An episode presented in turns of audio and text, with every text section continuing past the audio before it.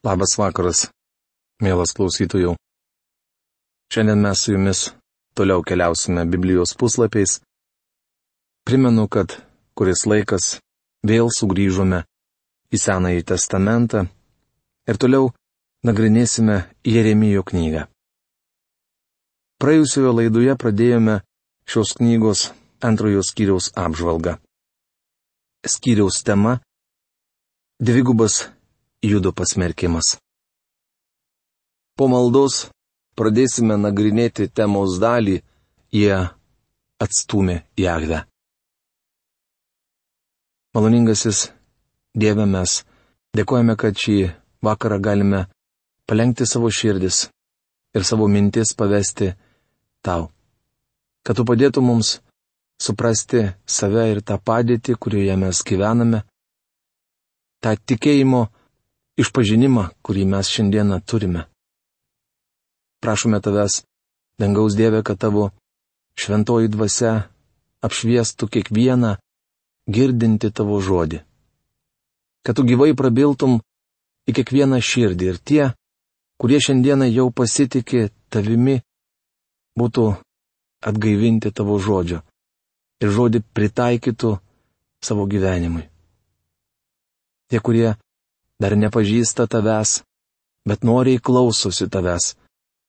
Meldžiame, kad sukeltum troškulį jų širdyje, paklusnumui tau ir įgalintum juos atsiversti, tai yra gimti iš naujo. Palaimink šį metą ir padėk mums savo šventosios dvasios pagalba suprasti žodžius, kuriuos užrašiai per pranašą Jeremiją. Pameldžiame viešpatės Jėzaus vardu. Amen. Jie atstumė Jahvę. Mane pasiekė viešpatės žodis.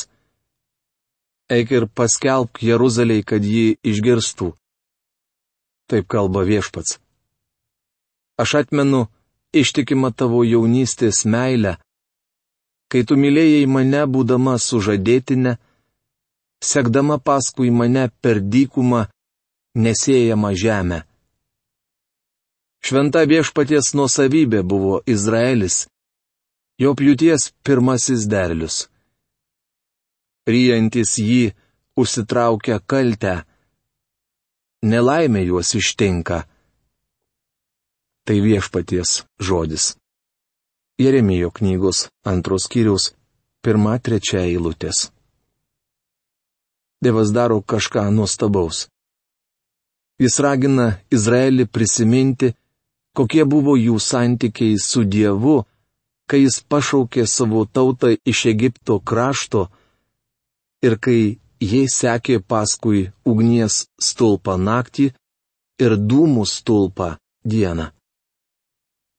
Dabar viešpats primena, kad toje grėsmingoje ir siaubingoje dykumoje Izraelitai ieškojo jo.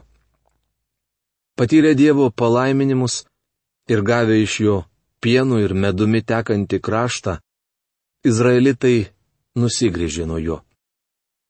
Kaip sakė Uzėjas, kalbėdamas apie šiaurinę karalystę, Efraimas nutuko ir mėgaujasi kekšyste. Gyvendama kaip inkstas taukuose, rafinuota visuomenė nusigrėžė nuo gyvojo Dievo ir ėmė tarnauti stabams. Nesunku pastebėti paralelę tarp judo ir amerikiečių tautos. Šiandien Dievas nustumtas į šalį. Amerikiečių tautą įkūrė vyrai ir moterys, tikėję, jog Biblija yra Dievo žodis. Jie viską darė, remdamiesi šią knygą. Kaip yra pasakęs vienas garsus istorikas, šiandien Ameriką valdo žmonės, nepažįstantis dvasinio tautos palikimo. Ši tauta nusigrėžė nuo Dievo ir nuo to laiko vaikosi visagalio dolerio. Geriausia žinia iš New Yorko yra pranešimai apie naudingus pasikeitimus vertybinių popierių biržoje. Geriausia žinia iš Vašingtono yra nutarimai, padėsiantys susižerti į kišenes kuo daugiau pinigų.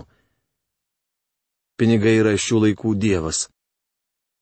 Apaštalų darbų knygos 19 skyriaus 28 eilutėje rašoma, kad Efezų gyventojai skandavo Didi Efeziečių Artemidė.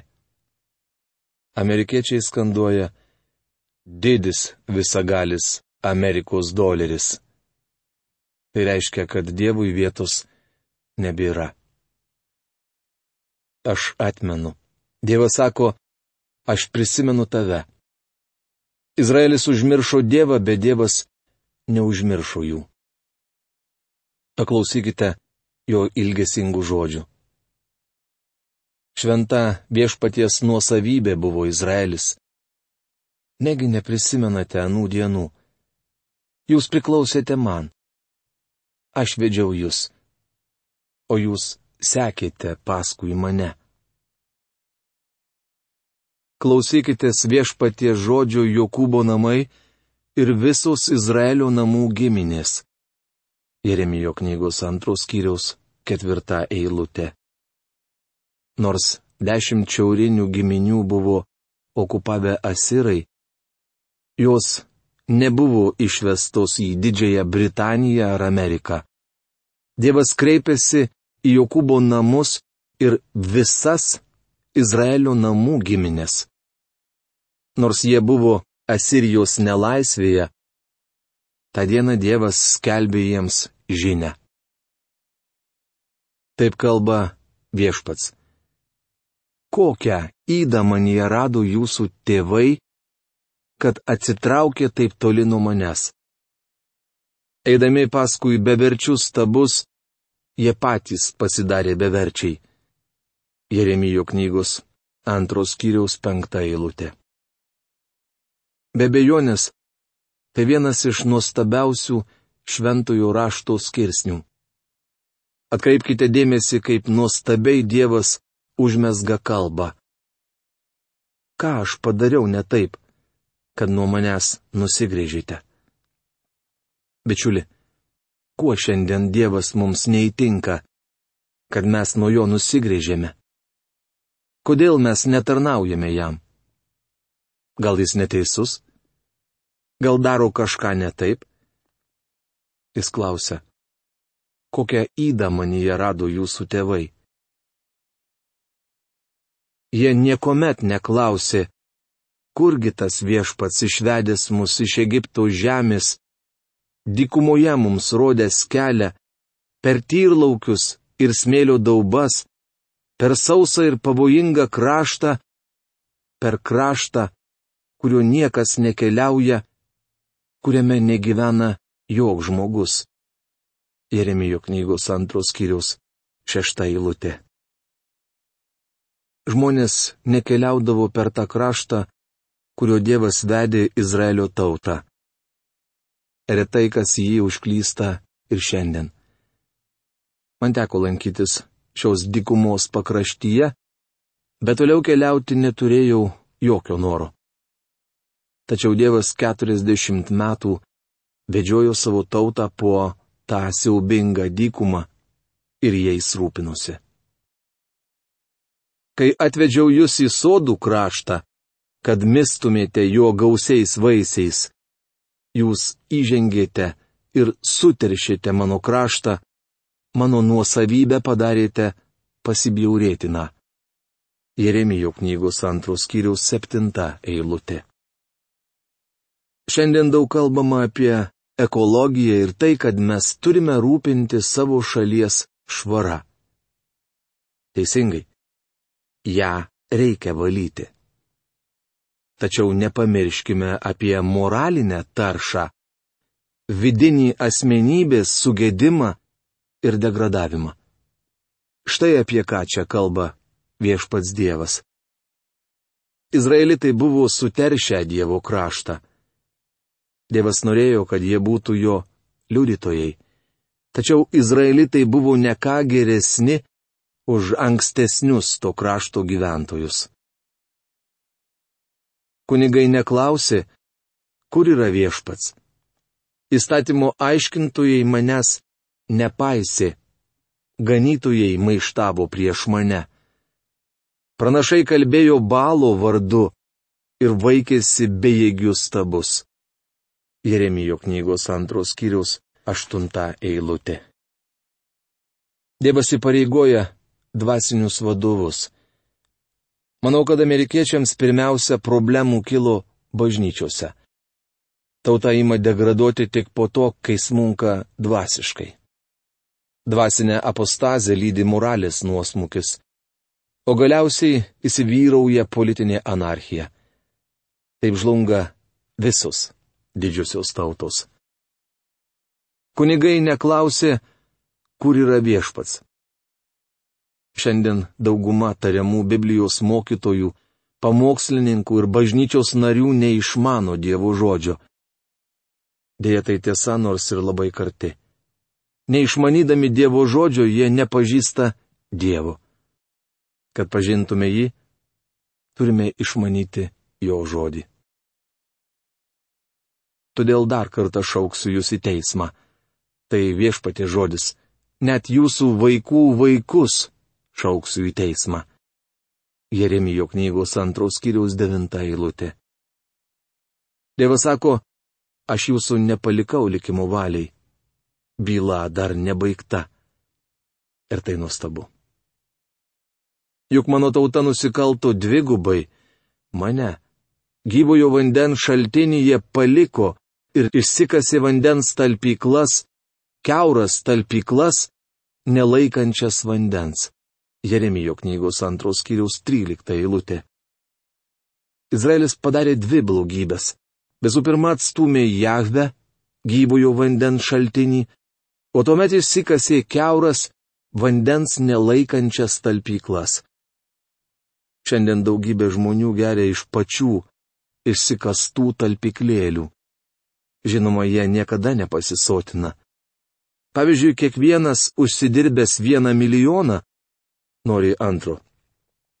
Ta pati galima pasakyti ir apie šlovę. Žmogų jos niekada negana. Toliau kalbėdamas savo tautai Dievas pirmą kartą paminė jų atsimetimą ir maištingumą. Tavo paties nedorumas nubaus tave. Tavo atsimetimas nuo manęs pasmerks tave. Taigi apsvarstyk ir praregėk, kaip baisiai kartu tau palikti viešpatį savo Dievą ir neturėti mano baimės. Tai viešpaties, galybių Dievo žodis. Jeremijo knygos antros kiriaus 19 eilutė. Trečiame Jeremijo knygos skyriuje maištingumas bus minimas tiek pat kartų, kiek visoje likusioje Biblijos dalyje. Vadinasi, Dievas jam nebeingas. Jie yeah, pasidirbo savo dievus. Likusioje antros skyriaus dalyje skaitome ištarmę prieš stabmelystę, kurį tęsiama ir trečiame skyriuje. Užuot citavę šią atkarpą, rekomenduoju jums visą ją perskaityti patiems. Susipažinkite su Jeremijo pranašystėmis ir įsitikinsite, kad jos nuostabios. Įdomu, kad atmetęs Dievą, žmogus visuomet išsidrožė stabą. Žmonės pasidaro savo Dievą, kokį nori. Tai yra tokį, kurio reikalavimus jie gali įgyvendinti. Kitaip tariant, Iš tikrųjų stabas yra senosios žmogaus prigimties išraiška. Jeremijo knyga, trečias skyrius tema - Jošijas pradeda reformas. Pirmojoje Jeremijo ištarmėje, kurią skaitėme antrame šios knygos skyriuje, Dievas smerkia judo gyventojus dėl dviejų priežasčių Dėl to, kad jie atstumė Jahvę ir dėl to, kad pasidirbo savo dievus. Ši tema toliau plėtojama pirmose penkiuose trečios skyriaus eilutėse. Ištarmes, surašytas knygos dalyje nuo antro iki šešto skyriaus, Jeremijas skelbė pirmus penkerius savo tarnavimo metus.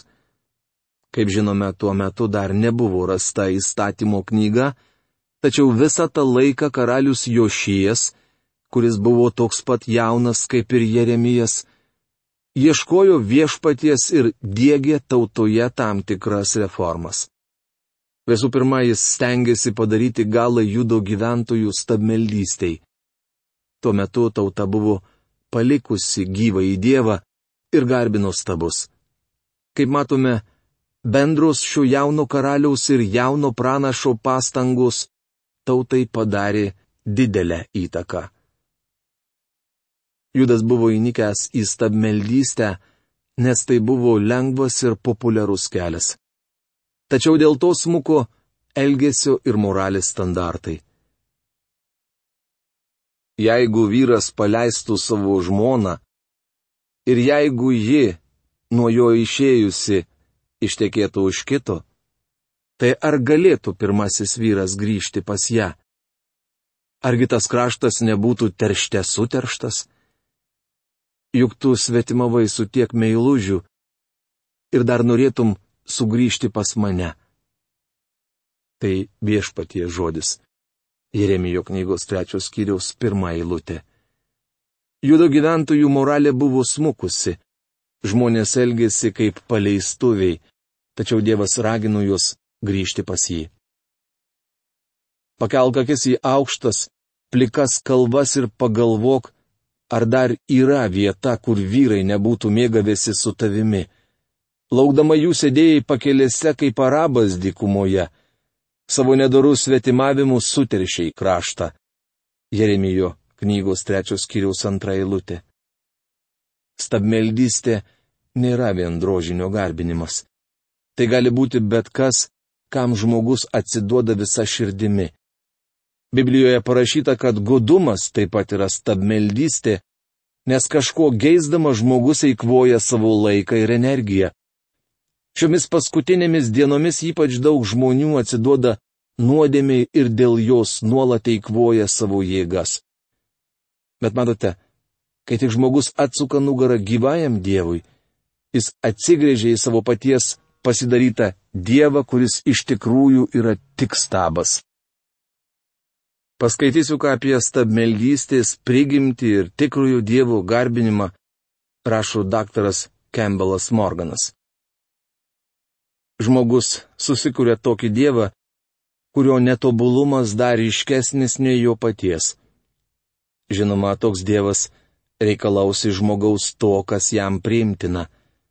Tai labai akivaizdu islamo religijoje. Kad ir koks didis, žymus ir nuostabus buvo Muhamedas, šiandien visą islamo pasaulį kaip amaras ėda jūslingumas. Žmonės bus ištikimi dievams, kurie nereikalauja iš jų to, kas prieštarauja jų širdžių geismams. Tačiau Dievas, kuris pašaukia žmogų, yra šventas, tyras ir mylintis. Jis reikalauja, kad žmogus pakiltų iki jo lygio. Dievas negali prisitaikyti prie sugedusios mirtingųjų prigimties. Jis nenusileidžia jų netiriems ir piktiems įgeidžiams. Dievas kviečia žmonės pakilti iki jo lygio kol jie tampa visiškai šventi kaip ir jų Dievas. Jis visuomet šaukia žmoniją pirmą tyrumui, o tik po to ramybei. Pirmą šventumui, tik tuomet laimiai. Pirmą teisumui, tik tuomet džiaugsmui. Dievas sako, kad Jeremijo kartos judėjai visą širdimi atsidėjo stabmeldystiai, todėl krašte paplito siaubinga paleistuvystė. Kai jis sako pakelk akis į aukštas plikas kalvas, mes galime įsivaizduoti, kokios jos buvo bjaurius. Ant tų kalvų stuksojo giraitis, o jų viduryje stabų garbinimo aukurai.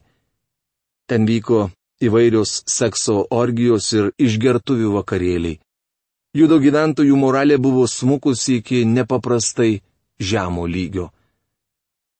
Paralelė tarp Judo karalystės ir amerikiečių tautos yra akivaizdi. Kad Amerika paliko gyvąjį ir tikrąjį Dievą, aiškiai rodo šio šalies būklė. Visur klesti savivalė ir nesažiningumas.